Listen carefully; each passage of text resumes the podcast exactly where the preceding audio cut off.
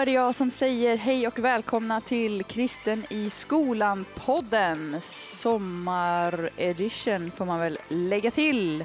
Det här är ju, vi är mitt uppe i sommaren nu och hoppas att ni har det oerhört härligt. Det här är ju en, en podd som produceras och skapas av elev och studentorganisationen Ny Generation. Och det vi gör är ju att backa upp och inspirera kristna ungdomar som vill ha en eh, kristen skolgrupp på sin skola. Vi uppmuntrar till att starta en kristen skolgrupp på sin skola för att vi tänker att är man ung och kristen så är man den absolut bästa personen att berätta om Jesus för sina vänner och för sin egen generation. Så det sysslar vi med och jag heter Emma Bergqvist och är ledare för Ny Generation i några månader till innan jag lämnar över stafettpinnen till Andreas Häger. Andreas och Hanna har ju suttit med mig under eh, den här säsongen. Det är ju vi tre som har varit hosts för den här podden kan man säga. Men eh, just nu sitter jag ensam. Andreas och Hanna kommer komma hit om några minuter. Och eh, vi kommer prata i slutet av den här podden om någonting som jag snart ska dela med dig. Därför att det är ju så här att nu under sommaren så är det ju inte så många som går i skolan så det blir ett automatiskt uppehåll med skolgruppen. Men det är ju inte ett uppehåll för ens kristna tro. I alla fall är ju inte tanken att det ska vara det, utan att, att man får leva en sommar också tillsammans med Jesus. Så vi tänkte att de här eh, sommaravsnitten av Kristen i skolan-podden blir lite annorlunda.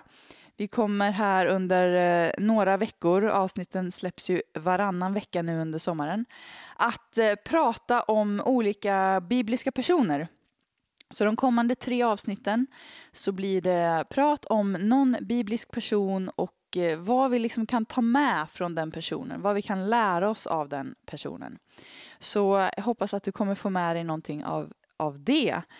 Sommaren är ju mycket vila, mycket ladda om. Förhoppningsvis så har man tid för saker man kanske inte har tid för annars. Vänner och, och familj och kanske roliga äventyr eller resor eller utflykter och sånt där. Men det är ju också en tid när man faktiskt kan göra plats för att växa i sin tro och reflektera över, över sin tro och kanske bestämma sig för hur man vill leva med Jesus, liksom. ta lite nya steg, lite nya beslut för ens tro och så. Så eh, jag önskar att du, att du får en sommar där du och Jesus får mycket tid tillsammans. Sen är det ju också så, så, att vi brukar ha ett segment som heter Thank God It's Monday. Och eh, det kommer vi ha idag också, men med en liten annan touch kan man säga. Så eh, ja, ni får väl göra er redo då helt enkelt, för här kommer Thank God It's Monday. Jo, och då tänkte jag att Eftersom jag sitter här ensam så är det lite svårt att utmana Andreas och Hanna på olika sätt. De eh, är ju annars taggade på eh, kanske tävlingar eller eh, vi har ju haft lite quiz ibland. Vi eh, alla tre tycker ju att det är lite kul att sätta varandra på pottkanten, säger man så? Ja, det får ni mejla in om man inte säger. Och eh, nu när de inte är här då, så tänkte jag att jag faktiskt skulle ta tillfället i akt att ge lite tips. Så jag har två stycken tips och, och de här tipsen det är inte generella tips på allt möjligt i livet utan jag har liksom funderat på, finns det någonting som man kan, något verktyg eller någon bok eller någonting som eh, kan vara nice att läsa eller ta till sig eller använda just under sommaren för att växa i sin tro eller liksom utvecklas med Jesus. Så jag har två stycken tips här idag. Det första, det är en app som heter Bible in one year. Um, ja, den är lite röd och vitaktig och finns där appar finns. Och den är, det är precis vad det låter. Det är liksom en bibelläsningsplan där man då läser Bibeln på ett år. Och så är det sammankopplat med små korta andakter och tankar och, och ja, men reflektionsfrågor kan man säga. Och det är en svinsnygg app tycker jag. Den är liksom skapad av eh, ett par som heter Nicky och Pippa Gumble som bor i London och driver Alfa internationellt. Så de är liksom stabila, sunda, bra förebilder som har tagit fram en bra app för att kunna ta sig igenom Bibeln på ett år. Så det vill jag tipsa om, om du är kanske är sugen på att någon gång ha läst Bibeln men inte riktigt vet hur du ska ta dig till. Man kanske inte läser Bibeln som en, en roman där man börjar i första Mosebok och sen tar sig hela vägen till Uppenbarelseboken utan eh, det kanske går att lägga upp på lite annat sätt. Så är det en jätte, jättebra app att eh, använda sig av. Så varför inte börja nu under sommaren? Man behöver inte börja första januari heller. Så är det. Den andra grejen som jag vill tipsa om det är en ledarskapsbok som är framtagna för unga människor. Den heter Ditt nästa steg och är skrivet av en, eh, en pastor som heter Rickard Svensson. Den är också ganska tunn för dig som inte tar dig igenom tegelstenar på sommaren. Och eh, den är liksom uppdelad i olika typer av så här, det här, det här är bra att, att, att kunna eller lära sig om du någon gång kanske vill vara ledare. Och det kan ju handla om ledare i en ny generationgrupp eller i din ungdomsgrupp eller att du bara kanske känner att du ofta hamnar i lägen när du är med och, och har kontakt med många människor liksom och ja, är involverad i olika projekt, både kanske i kyrkan eller fritiden och så. Så det är en superbra ledarskapsbok för dig som är intresserad av det. Bible in one year och Ditt nästa steg av Rickard Svensson. Så var det med det. Då ska vi gå in i dagens ämne. Och ämnet är ju faktiskt inte ett ämne utan en person som jag nämnde tidigare. Och um, idag tänkte jag att vi ska prata om Maria. Alltså Jesus mamma som vi kan läsa om i Nya Testamentet. Och um, anledningen att, eh, att vi ens gör de här avsnitten med en biblisk person i fokus är ju för att Bibeln är fylld av så många människor och så många berättelser som vi, som vi faktiskt kan inspireras av idag. Ibland kan man ju läsa Bibeln och känna så här, Åh, är det här verkligen, har det här verkligen hänt? Liksom? Det, det kan nästan kännas som att det är en påhittad berättelse, men det är ju faktiskt historiska dokument, Bibeln. Och Bibeln uppmanar oss till och med att liksom titta på de som har gått före och lära oss av dem. Det finns ju ett eh, kapitel i Hebreerbrevet. Eh, Hebreerbrevet ligger i Nya Testamentet. Och eh, i Hebreerbrevet 11 så är det som ett, ett långt kapitel med bara en lång uppräkning och sammanfattning av människor som har liksom gjort saker i tro för Gud. Och nästan varje mening börjar med så här, i tron gjorde bla bla bla, det här och det här och det här. I tron gjorde den här personen det här och det här. Och så leder den här, det här kapitlet upp till Hebreerbrevet kapitel 12 och vers 1 där det står så här att när vi har en så stor sky av vittnen omkring oss, låt oss då lägga bort allt som tynger och särskilt synden som snärjer oss så hårt och löpa uthålligt i det lopp som vi har framför oss. Och det är som att författaren till det här brevet säger liksom att vi ska titta på alla de där troshjältarna som har gått före och, och liksom hitta kraft i det, lägga bort det som tynger oss själva och, och löpa det lopp som vi har framför oss och tänka att nu är det vår tid i historien. Nu är det vi som är lärjungar till Jesus och kan göra någonting för Gud. Så därför så tänker jag att det, det, är bra också ibland att faktiskt titta på de personerna som Bibeln tar upp och se vad kan vi lära oss av deras liv? Eller vad hade de kanske velat skicka med oss om de levde på, på jorden just, just nu. Då. Som jag sa så ska vi börja och titta på Maria, Jesus mamma. Hon, ehm, vi kan ju läsa om henne ofta i julevangeliet. Det är ju, eh, hon eh, dyker ju upp där av naturliga skäl. Jag kommer inte läsa hela den passagen nu, men vill du läsa om Maria och när eh, när ängeln Gabriel kommer till henne och berättar för henne att hon ska föda Jesusbarnet så kan du gå till Lukas kapitel 1 och läsa vers 26 till 38. Och um, vi får väl liksom försöka sätta oss in i hennes situation. Man tror ju att hon var ungefär 14 år vid den här tidpunkten. Hon var trolovad med Josef. Det var ju, man var ju väldigt ungt förlovad på den tiden. Och hon var liksom fullt igång med att försöka planera sin framtid. Hon hade hittat Josef som hon älskade. Hon, hon, ehm, ja, men hon hade väl tankar på hur livet skulle bli. Och sen kommer då den här ängeln, ängeln Gabriel och bara totalt överraskar henne och liksom kastar om allt det där som hon eh, Eh, som hon hade tänkt egentligen. Och eh, jag tänkte att jag bara kunde läsa den här allra sista versen som jag sa, Lukas kapitel 1, vers 26 till 38. Och då i vers 38 så, så säger Maria så här då till ängeln Gabriel att jag är Herrens tjänarinna. Må det ske med mig som du har sagt. Det vill säga att trots att det här kommer som en överraskning för henne och trots att det är ganska stora nyheter som ängeln berättar så inser hon att jag är först och främst Herrens tjänarinna. Och om, om, om Gud säger det här och vill göra det här, då, då får det ske så. Liksom. Då, då säger jag ja till det som Gud vill göra. Och det där tänker jag är den första grejen som vi kan lära oss av, av Maria. Att våga tro att Gud har utvalt dig. Alltså våga tro på att om, om Gud liksom knackar på ditt hjärta och kanske lägger ner en, en dröm eller en tanke eller du kanske till och med upplever att Gud ber dig att göra någonting eller åka någonstans eller sådär.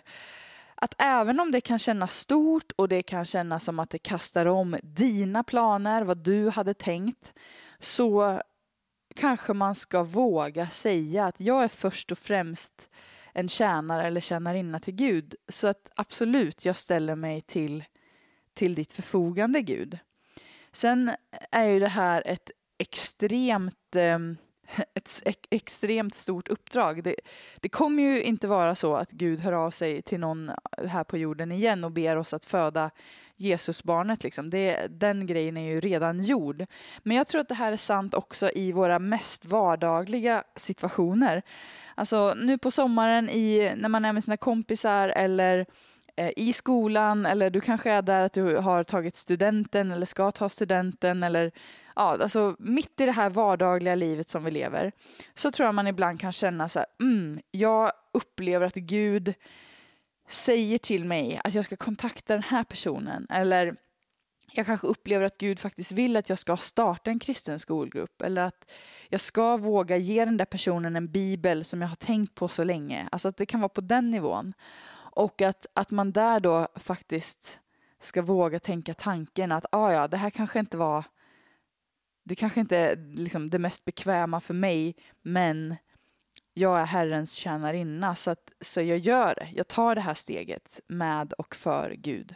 Jag tror också att det kan vara så om hur man tänker om sitt liv. Jag, jag minns ju när jag skulle ta studenten att jag hade liksom en, en väldigt utstakad plan i mitt eget huvud hur, hur mitt liv skulle bli att jag skulle gå på, eh, jag skulle först göra ett år på ny generation för att göra något lite annorlunda och kul och sen skulle jag hitta min utbildning och så skulle jag plugga och sen skulle man hitta någon att gifta sig med och sen skulle man flytta till någon härlig stad. Och så insåg jag när jag kom till ny generation att, att Gud sa att men här ska du stanna lite längre. Och det var inte alls det jag hade tänkt. Det var inte alls de, eh, det stämde inte alls överens med den planen som jag hade för mitt liv. Men jag kan säga nu i efterhand att jag är så glad att jag vågade stanna kvar och att eh, livet tillsammans med Gud är, det är ett sånt välsignat liv. Det är inte alltid en dans på rosor, men jag upplever att mitt liv har blivit så rikt av att få eh, våga ta steg tillsammans med Jesus.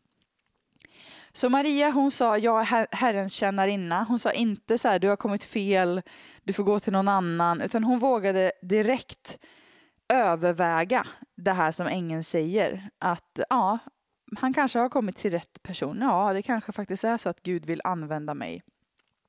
Så försök att ha det här, i alla fall övervägandet i livet.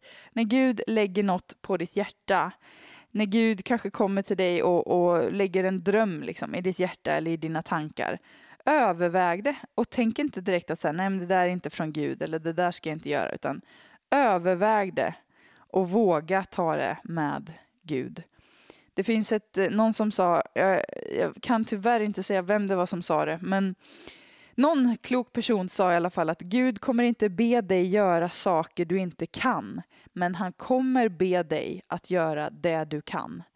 Och det är, för mig är det en, en så bra tanke att Gud kommer aldrig pusha oss att göra saker som, som vi inte klarar, som är för stora eller som vi inte kan.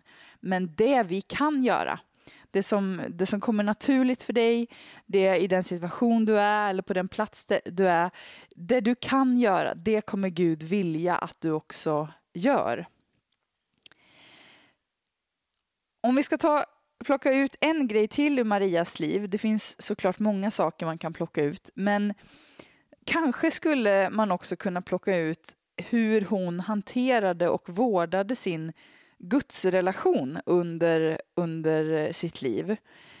Det står i Lukas kapitel 2 och vers 18 till 19. Då har vi kommit in i det kapitlet som, eh, som är liksom julevangeliet som du kanske läser på julafton eller sådär.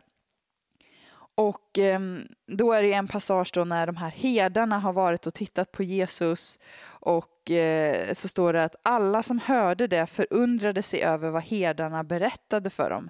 Så herdarna går runt och berättar om Jesus och alla förundrar sig över det. Men Maria bevarade och begrundade allt detta i sitt hjärta. Och nu menar inte jag att jag ska trasha de här herdarna då, men, eh, men herdarna i berättelsen, de förundrade sig, de tyckte det här var häftigt, det här var någonting särskilt, det här var en upplevelse. Och sen bara försvann de ur historien. De var med om en häftig grej och sen gick de iväg och vi hör ingenting mer om dem. Men Maria tar det till sitt hjärta och begrundar. Och jag tänker att det här på något sätt beskriver en livsstil. Att när vi har ett möte med Gud eller när vi upplever att Gud är extra närvarande eller extra tydlig så är inte det bara coolt. Liksom. Det är inte bara någonting som man kan berätta om för, för sina kompisar eller något som är så här, finns på den häftiga listan som har med Gud att göra. Utan det är någonting som också ska göra att vi kan bygga på vår relation till Jesus. Och det här kanske man känner igen sig i. Du, du kanske har varit på konferenser eller bra möten eller läger. Du kanske till och med har varit på läger i sommar eller ska på läger i sommar.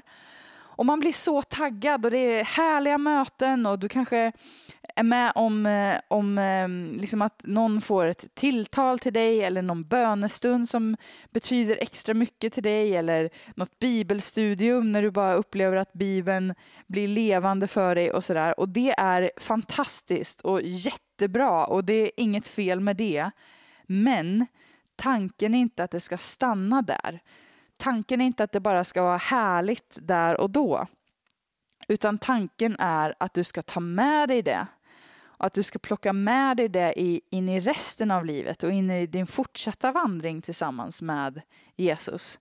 Så jag vill säga det till dig också att om du ska på läger i sommar eller har varit på läger i sommar, förbered dig redan nu på att så här, det ska bli en kul vecka eller en kul helg eller, eller sådär. Men men jag ska också ta med mig det in i hösten. Se det som att du liksom får komma och fylla på med massa bra energi och grejer som sen kommer kunna bära dig under en lång tid framöver. Maria tog det som sades om hennes son, om Jesus, hon tog det på allvar. Hon eh, tar det till sig och följer Jesus för resten av livet. Hon var liksom in it for life, inte bara för kickarna, inte bara för för det häftiga utan hon var, hon var där eh, alltid. Hon lyckades med att vara både Jesu mamma och Jesu lärjunge. Man kan ju jämföra henne också med, med Petrus. Maria stod ju ge, bredvid Jesus när han korsfästes. Det måste ju varit fruktansvärt att se sin son korsfästas på det sättet. Men Petrus, som hade varit en trogen lärjunge till Jesus, han var ju inte där, för han hade ju lämnat Jesus precis innan. Och eh, jag menar heller inte att, att säga att Petrus var en dålig person. Det finns mycket att lära sig av Petrus också som kanske får bli något annat avsnitt någon gång. Men, men jag tror att du kan känna igen dig i det här att ibland finns det bättre tider och ibland finns det sämre tider. Ibland känns det som att tron på Jesus går på räls. Du bara kör på, allt är kanon du har många kristna kompisar kanske. Allt liksom, det känns rätt och bra att, att hänga i kyrkan och sådär. Och sen kan man hamna i passager när det är kämpigt, kanske tider av tvivel, sorg, oro. Du kanske har kompisar som börjar lämna kyrkan. Du kanske blir eh, alltså många som tycker och tänker om din tro i skolan. Petrus var ju personen man inte trodde skulle lämna Jesus för att han hade levt med Jesus så nära. Men även Petrus lämnade Jesus ett tag. Så det, det vi vill säga är liksom att det är inte alltid självklart att, eh, att um, liksom hänga kvar vid tron på Jesus. Men gör det. Ta Maria som exempel och tänk att, att du, är, du och Jesus, det är för livet. Det är inte bara för en kort stund. Och att du ska, du ska hänga kvar även om ingen annan gör det. Att inte lämna din tro trots att det ibland kan vara tufft.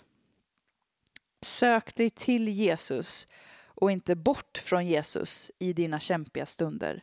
Petrus sökte sig bort från Jesus när han mötte motstånd medan Maria stod bredvid Jesus även när det blåste och när det var stormigt. Så det vill jag skicka med om Marias liv. Som sagt finns det mycket att säga. Men våga tro att du är utvald. Våga tro att Gud kan lägga ner drömmar i dig som han vill göra någonting av. Han kanske kallar dig på ett visst sätt. Och då menar jag alltså att han kanske har en, en särskild plan för dig eller en särskild plats för dig på något ställe i en viss situation, på en organisation eller en arbetsplats någonstans. Eller just nu i din skola där du är i den här tiden i livet. Våga tro att du är sänd till din skola för att kunna göra någonting för Gud eller att Gud kan använda den situationen som du står i. Och sen fortsätt att vårda din relation med Gud. Se till att stå vänd mot Jesus även när det blir tufft. Begrunda det i ditt hjärta. Liksom. Ta det till hjärtat. Låt det inte bara vara något, en hype liksom, som dyker upp och försvinner, utan låt det få bli någonting som är långvarigt i ditt liv. Nu är det dags att eh, höra lite grann från mina poddkamrater, så jag ska hälsa Hanna och Andreas välkomna in i min lilla studio. Är ni taggade? Till tusen! Såklart! Ja, ja, ja, ja. Jag känner mig alltid lite som en tönt när jag säger så. Är ni taggade? Så att det är så här, Ja! Vad ska någon säga? Nej. Ja, men det är väl en ärlig respons? Ja, det är, jag är en härlig respons här. På En ärlig på en- respons. Ja, ja. Förlåt. Hallå. Nej, Hallå. men ehm, kul att eh, ni eh, är här. Det är ju, eh, vi har ju kört podden tillsammans hela våren, så det är inte som att ni är nya för det här eh, för det här konceptet. Men nu är vi mitt uppe i sommaravsnitten, lite annorlunda och eh, har ni det bra i sommar än så länge? Dunder. Njuter. Vilket Dunder. kort svar det blev. Njuter. Ja men det är bra, det är lite effektivt mode, korta svar, ni har liksom gått in i det själva. Ja. Alltså jag kan göra en utläggning men jag misstänker att du, har, du har lite mer att prata om Ja, än liksom hur sommaren är. Precis. Nej, men I dagens avsnitt så pratar vi om eh, Maria, Jesus mamma. Ja, yeah. Ah, ja. Och eh, vi har pratat om, eller vi, men, men det jag tar med från hennes liv, även om det finns så mycket mer man skulle kunna ta med, det är ju framförallt det här äh, att hon vågar tro på det som ingen Gabriel säger till henne om att liksom, Gud vill använda dig, du ska föda Messias. Och att hon, trots att hon hade så mycket egna planer på sitt liv, sa liksom att äh, ja, men jag, jag gör detta, jag, jag säger ja till det här. Så jag tänkte vi kunde börja i den änden och, och prata lite om så här hur, hur, um, hur, hur kan man liksom tro, hur, hur reflekterar ni över det här att tro att man är utvald? Alltså, för ibland så kanske det också låter väldigt ödesmättat. Alltså så här, oh, jag är utvald, jag, det här är mitt destiny liksom och så. Men om man försöker ta det lite mer vardagligt då, Um, och den världen där vi ofta rör oss i i skolan. Hur kan man tänka att man är utvald i sin skola? Eller hur reflekterar ni över det här att, att vara utvald av Gud? Mm. Jag tror att det är en, en viktig grej att börja med när man snack, snackar om just att vara utvald och så. Uh, för att det, det gör man ju inte, eller som du säger, liksom, man ser uppenbarligen i Bibeln att Gud kallar specifika människor till specifika uppgifter. En sak som, man, som väldigt lätt man som människa och som jag själv kan hamna i, som jag tror många kan känna igen sig i, det är att när man hör att man blir kallad till någonting, man upplever en kallelse eller man blir utvald, någon typ av sån här grej, att man väldigt snabbt hamnar i att man känner jag behöver göra det här ensam. Att liksom jag är själv i det, att på något sätt att när du blir utvald så betyder det nu får du springa på den här bollen själv. Och det tror jag är väldigt viktigt att förstå att det aldrig är så. Dels Gud kommer, är alltid med oss. Det är typ det han säger ofta i kombination. Det är så här, gå ut och gör det här, kom ihåg att jag alltid är med dig. Det, är liksom, det brukar vara de två puckarna liksom, som alltid kommer med varandra. Så att det är viktigt att bära med sig det, att så här, visst vi är utvalda, eh, och liksom, du är utvald på din skola, och du är utvald att gå ut på den platsen och jag menar, lysa för Jesus och visa på hans kärlek, det som vi har snackat om så mycket. Ehm, men du är inte utvald till att liksom göra det ensam. Du är utvald till att gå med Gud där. Gud är med dig där. Och sen så också om det är så att du har andra kristna i din skola, om du har den förmånen, den välsignelsen om man får säga så, eh, att ha andra kristna troende i din klass eller i din skola, så gör det tillsammans med dem. Gör det till någonting som ni kan göra tillsammans som ett team. Se det som er kallelse tillsammans. Att ni alla är utvalda eh, till att göra det på er skola. Och ifall du är ensam i skolan eller själv i skolan så eh, finns ju vi här på NG-kontoret. Vi har coacher som eh, hjälper till och stöttar och backar. Eh, men framförallt, oavsett vad det är, så är det just att eh, jag tror att det är viktigt att förstå från början att så här, landa i att okej, okay, du är utvald till den här uppgiften och den kan kännas jättestor, ödes liksom mättan eller vad det heter, liksom så här, svår att greppa. Kom ihåg, du är inte ensam. Du är inte ensam. Gud kallar inte oss till liksom solo quests, utan han kallar oss till att göra saker tillsammans med honom och varandra. Uh, bra. Ja, jag tänker det är en bra första, första punkt att liksom verkligen ja. ta med sig. Har du något att tillägga där, Hanna? Hanna spits on fire. Yeah, come on. Nej, men eh, eller det jag tänkte på direkt först och spontant när du ställer den frågan, Emma, är att i alla fall för mig, när det kommer till att eh, hur kan man veta att man är utvald och hela den biten, är att eh, jag tror att Gud talar väldigt mycket bara genom en längtan. Längtan efter någonting. Eller så har det varit i mitt liv i alla fall. Att eh, någonstans djupt, djupt där inne så har man bara vetat så här, okej, okay, jag borde göra detta. Detta är någonting som Gud ändå har lagt på mitt hjärta. Sen kan det komma perioder där man känner bara så här, nej jag ska inte göra detta, jag vill inte göra detta för att det är mycket som cirkulerar och, eh, och så. Men att eh, komma tillbaka till den här längtan och säga okej, okay, någonstans som sagt djupt där inne så, så vet jag typ att det här bör jag göra, det här är kanske bra om jag säger ja till det här. Liksom. Så längtan. Men mm. och får jag fråga, fortsätta frågan där då. Vad, man känner den här längtan och man känner så här, okej, okay, det här vill jag göra och så. Vad skulle du säga då är vad är första steget? Eller vad, nu kanske inte du kan eh, hitta något specifikt eh, konkret så i ditt eget liv, eller så gör du det, men eh, det är inte det viktiga. Men, men liksom, vad blir första steget? Och är det på något sätt att säga, okej, okay, jag längtar efter, jag längtar efter det här. Imorgon så försöker jag göra något åt saken? Eller hur ska det liksom bli konkret? Mm, just det. Nej, men jag, jag tycker väl att detta är ganska eh, bra exempel när man talar om just Maria och det som du har nämnt eh, att eh, just begrunda saker, begrunda saker i sitt hjärta och Eh, jag menar, det kan vara kanske stort och smått. I vissa tillfällen, lägen kanske det är just som du säger Emma, att eh, okej okay, jag har en längtan efter det här och imorgon ska jag bara springa på det direkt. Men vissa grejer kanske det är större.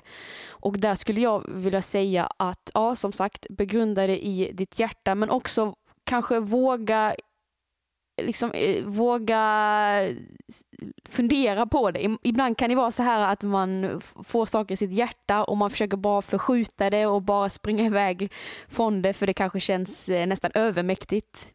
Så kan det vara ibland, men att, att eh, våga lägga tankeverksamhet på det och hitta personer som du litar på, som vill dig ditt bästa, som du kan berätta Mm. eh, om det. Så inte Mm. bara hålla det för sig själv men ändå eh, begrunda det men berätta det också för dina Mm. närmsta kompisar eller bra. ungdomsledare eller vad det kan vara. Det är bra, det är bra. Jag skulle säga alltså, starta en ny generationgrupp. Boom.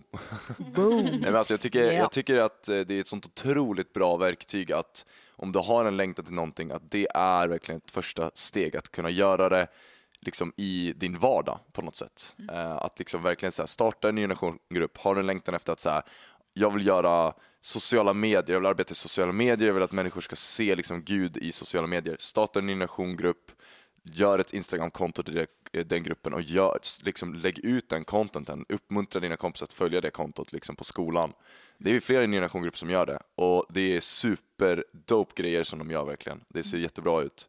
Och har du an- andra längtan liksom, så starta en ny generationgrupp. Det är ett bra konkret steg som liksom du även kommer få uppföljning på och liksom pröva på. För att det, vi har liksom, du kommer komma i kontakt med oss i organisationen, vi kommer kunna hjälpa dig, vi kommer kunna liksom backa dig, stötta dig i den längtan du har, eh, i den platsen du är i. Liksom. Så starta en ny nationgrupp på din skola, eller haka på den som finns och jag skulle säga gå efter din längtan där, för jag tror verkligen att det finns en, som Hanna säger, att det finns en, en poäng i att så här, ja, men Gud har satt dig på den platsen du är på och du har en längtan på den platsen, du har, eller du har en längtan i ditt liv när du är på den platsen kör på det. Våga pröva det, skulle jag säga är ett bra, en bra grej. Och där, ett väldigt bra steg, det är att starta en ny nationgrupp.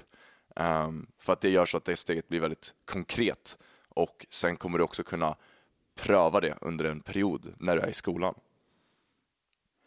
Jättebra. En annan grej som, som jag nämnde, som jag plockar med mig från Marias liv, är ju det här med att vårda sin gudsrelation. Liksom. Eller, ja, du nämnde också, Hanna, det här med att begrunda det i sitt hjärta och se till att det inte bara blir att, att mötena med Gud inte bara blir så här häftiga grejer utan eh, ja, något bestående och sådär. Jag tänker nu särskilt på sommaren när många kanske ska iväg på läger eller liknande lägeraktiga saker i sin kyrka och så.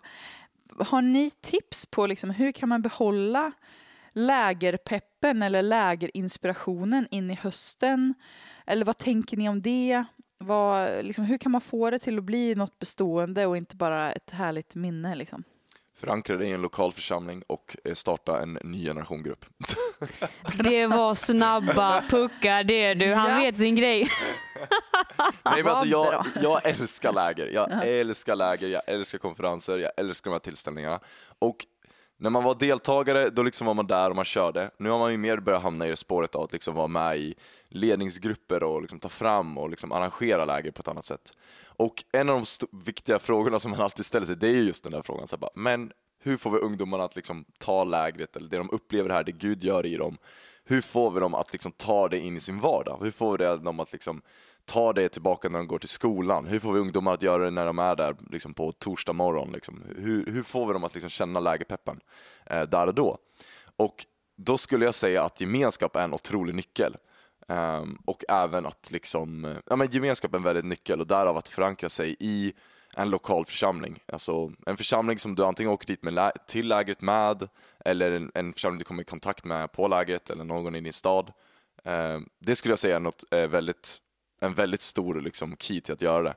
Ehm, och sen så också en ny generationgrupp. För då får du den här gemenskapen, du får också förankringen in i din vardag.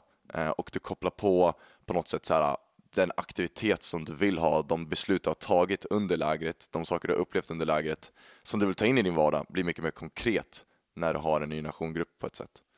Så ja, Mm. Ja, men jättebra tips. Grymt. Ehm, om Andreas kommer och lägger de lite större puckarna då så kanske jag kan få komma och lägga en väldigt, väldigt eh, mycket mindre grej. Jag vet inte varför men detta... ack så viktig. Ja, eller jag, you never know, du har inte hört mig säga det än. Jag litar på dig. Nej, men jag vet inte varför detta slog mig bara sådär precis. Det är kanske någon som eh, kan se det som ett bra tips. Men det jag tänker på, eh, som är en person som gillar att eh, minnas tillbaka till saker så här. Ja, man kan gå igenom någonting och sen kan man eh, två, tre månader eh, läng- alltså framåt i tiden då känna så här, oh, wow, det där var en bra tid och bla bla bla bla. Och då vill man ju på något sätt eh, skapa, eller så här, hur kan man bibehålla dessa minnena, hur kan man påminna sig själv om det? Och det jag tänker, jag vet inte varför jag skrattar, typ för att jag tycker själv att det är så här, vad är detta för tipsen? Men att till exempel då om man tar läger som ett, som ett exempel, ta mycket bilder. För att jag tror att eh, vår telefon har vi nära till hands, eh, basically 24-7. Och eh, jag är i alla fall en sån person som kan gå in på min kamerarulle och eh, så här, scrolla tillbaka på gamla bilder. Och så många gånger som jag har kommit tillbaka då som sagt till gamla bilder och har påminns om just den där bilden för att den associeras med ett speciellt tillfälle, speciella människor och det får mig att tänka tillbaka på så här, oh just det, det där var det lägret. Då, det var häftigt för att då upplevde jag att Gud var närvarande, han, eh, jag upplevde att han sa det här och det här till mig och att det kan få liksom ge, ge ny energi till det hela. Eh, så ta, ta mycket bilder och eh, skriv... Alltså här, egentligen, man kan, man kan väl sammanfatta det som att dokumentera. Och jag Bra. menar inte att det behöver vara dokumentera som att man ska lägga upp allt offentligt, men dokumentera, dokumentera för dig själv. Mm. Ja, det var det. Grymt. Och, jag måste bara lägga till, just för att koppla till Maria, eh, när det står att hon eh, bevarade i sitt hjärta, mm. så vill jag verkligen säga det att så här, de saker du upplever, de saker som du får från Gud, de saker som du blir, liksom de saker, de insikter du får och så, bevara dem i ditt hjärta. Om det kommer folk efter läget och bara så här, försöker förneka till exempel eh, att liksom, om du var med om ett helande eller om Gud talade in i ditt liv och sånt där och att efteråt kommer folk som försöker liksom, trycka bort det eller liksom, förklara att det var någonting annat eller något sånt där så skulle jag säga bevara det i ditt hjärta. Ha, ha de minnena kvar för att så här, det är så otroligt viktigt att där och då så skedde någonting och det var viktigt för dig. Ha kvar det. Eh, låt det få vara något, ett ställe där liksom ingen får komma in och liksom plick och plocka liksom hur som helst utan mm. det är någonting som är mellan dig och Gud, någonting jättefint mellan dig och Gud på samma sätt som om du upplever fina minnen med en kompis eh, och någon försöker komma och trashtalka det minnet, då är det så här, man bara va? va, va? Eller så här, det, liksom, det, känns bara oskönt. Mm. Men om du liksom, jag, jag tänker att det är samma grej mellan dig och Gud, att ha de minnena och de, de liksom upplevelserna, liksom bevara dem i ditt hjärta. Eh, låt dem vara där på samma sätt. Och där kan liksom bilder och minnesanteckningar och sånt vara ett otroligt verktyg till att liksom komma ihåg det. Eh, men bevara också lägret i ditt hjärta om du förstår vad jag menar. Mm. Grymt. Jättebra. Jag tänker att vi, ni, jag, ska, jag ska ställa er en till fråga och sen så ska ni få lite betänketid. Aj, aj, aj, och, så, nice. och då ska jag prata lite och sen så avrundar vi. Men den frågan som jag har till er, det blir lite meta här, men jag tänkte Dope. att, att um, vad skulle ni vilja skicka med till de som sitter och lyssnar nu mitt i sommaren? Alltså, um, jag tänker kanske inte bara ett tips, utan en fråga som de skulle kunna fundera över själva i sitt liv. Alltså om ni får skicka med en reflektionsfråga kanske man kan säga. In i den, just den här sommardagen mm. när någon sitter och lyssnar. Som har med det här att göra. Hur bevarar man gudsrelationen? Hur kan man tro att man är utvald? Något åt det hållet. Vad hade ni velat skicka med för reflektionsfråga då? Och medan ni funderar lite, det behöver inte vara så avancerade frågor, men, men liksom kanske lite vad sitter ni själva och reflekterar över på det här i sommar? Och medan ni gör det så tänkte jag säga till er som lyssnar att eh, när det här avsnittet läggs ut så kommer vi också lägga ut en, eh, en liksom bild på Ny Generations Instagram. Och då tänker jag att ni under bilden också skulle kunna skriva era tips. Om ni har tips på på ja, men de här som vi har pratat om idag, hur man bevarar sin gudsrelation eller eh, hur man bevarar lägerpeppen, så kan man skriva det. Och jag tänker att man också skulle kunna skriva om man har tips på ja, men bra böcker, bra poddar, bra ja, vad säger man, inputs i livet, så kan man skriva även eh, det under den bilden. Så blir liksom de här sommarpoddarna lite mer interaktiva och ni kan vara med och peppa både oss och varandra där ute. Så in och skriv. Bra grejer. Har ni hunnit fundera lite kort? Ja, ja, men lite sådär. Man får ju ändå vissa som, eh, något sådär som dyker upp. Ska jag börja eller? Ja, men kör. Ja, okay. Nej, men jag tänker eh, kanske inte en konkret svart på vitt fråga sådär, men generellt sett någonting som jag vill skicka med till dig som lyssnar att fundera på över den här sommaren är det här med vad för avtryck vill du lämna där du har gått? Vad vill du att folk ska känna när du har varit med den här, de här personen, den här personen och du lämnar? Vad vill du att den kompisen ska, ska känna? Ska man känna sig eh, glad? Ska, ska man känna sig stärkt? Ska man känna sig mer älskad? Ska man känna sig liksom att ens tro känns mer, mer given och sådär? Eh, det borde man ju vilja säga ja, men Han har bara allt och lite till. Ja, nej men så här, att verkligen fundera på, ja men vem, eh, vad för avtryck vill du lämna och vem vill du vara? Mm. Bra. Det är en, eh, ganska bra. stor fråga, men jag tror det är en Ja. viktig fråga. Men det där, där är ju alltså riktig truth alltså, riktig truth. Det är Mm. sj- sjukt bra, sjukt bra. Ja. Du? Eh, det är jag, jag, jag, det är jag, jag bara hoppar på direkt. Ja, Du kanske vill ge någon respons Emma Nej. eller? Nej, men jag tänker att, att det här blir som sagt något att skicka med bara. Så att Mm. jag tänker att vi lämnar det okommenterat och så får, får du som sitter och lyssnar ta med det in i din, Mm. din dag. Det låter bra, det låter bra. Ehm, ja, jag skulle väl, vad ska man säga, skicka med två ish, alltså de är ish likadana. Eh, och det är ganska likt det Hanna säger, för det är ganska stora frågor liksom, man säger. Det ena är dels det som vi har pratat om, det här med eh, känna, eh, känna längtan inför någonting. Eh, och liksom känna längtan inför liksom, någonting man vill göra, eller någonting man vill växa i, någonting som man vill liksom, se framför sig. Eh, det skulle jag säga, liksom, så här, vad, vad är den längtan eh, som du känner? Vad längtar du efter i ditt liv? Är det att utveckla din karaktär? Är det att eh, se människor komma till tro? Eh, vad, vad, vad, vad är din längtan i ditt liv? Eh, och ge det en ärlig chans och tänk och fundera på det. Och inte så här som att så här, bara, Åh, nu ska jag komma fram till en liksom, trepunktslista, liksom, utan bara liksom, på något sätt söka inom dig och se vad, vad, vad är det för något som vad har jag för längtan i, i livet? Inte någonting som kanske så här ska ske imorgon utan så här längre fram.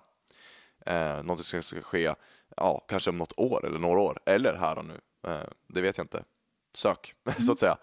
Och sen så den andra grejen är vad är, det här är en jättestor fråga, men jag tror att det är vi- viktigt att, eh, att ta upp den när man är ung, eh, ta upp den i samband med det som Hanna har pratat om, eller den frågan hon ställde och den frågan jag ställde innan. Och det är, vad är viktigt för dig? Vad är det viktiga i ditt liv? Vad är det för viktiga relationer du har? Vad är det för viktiga eh, liksom, rutiner som du har? Vad är vad är det för viktiga, eh, vad ska man säga? Jag menar, liksom, vad är viktigt i ditt liv? Eh, Vad är det för något du prioriterar? För där kan det uppenbaras väldigt, väldigt, och där skulle jag säga, var brutalt ärlig mot dig själv. För ibland så kanske vi har saker i vårt liv som är viktiga när vi sitter och funderar på det, som vi bara oj, det här är verkligen superviktigt för mig. Och det kanske inte är så hälsosamt. Och det är en väldigt, kanske ganska jobbig reflektion, men om man börjar bearbeta bort det så kommer du känna så otroligt mycket mer eh, vad ska man säga, lättnad och frid. Men också att du känner att du kommer kunna värdera det jättemycket. Alltså till exempel jag, eh, jag något som är väldigt, väldigt, väldigt viktigt i mitt liv, det är min familj. Och det har gjort att så här, det låter kanske konstigt att säga det, men det är så här, när man liksom verkligen har sagt det till sig själv att det här är viktigt för mig, då så prioriterar man det så mycket högre. Um, och det har gjort så otroligt, det har liksom gett så otroligt mycket. Eh, så jag skulle säga, vad, så här, vad har du för längtan och vad är viktigt i ditt liv? Mm. Grymt! Hörni, tack för era tankar och eh, de här frågorna som ni skickar med. Och tack för att ni där ute fortsätter att lyssna mitt i eh, sommarvärmen. Nice! Ja, så med det så önskar vi en eh, fortsatt härlig sommardag. Det, ja, jag vet inte, är vi på gränsen nu kanske från försommar in i den riktiga sommaren? Den riktiga stekheta sommaren när man kan steka ägg på asfalten och sånt där gott. Exakt. Nej, men hörni, fortsätt att ha en fin sommar och eh, så hörs vi igen om Mm. två veckor. Woho! Mm. Det kommer bli riktigt Hej då! bra! Hej då!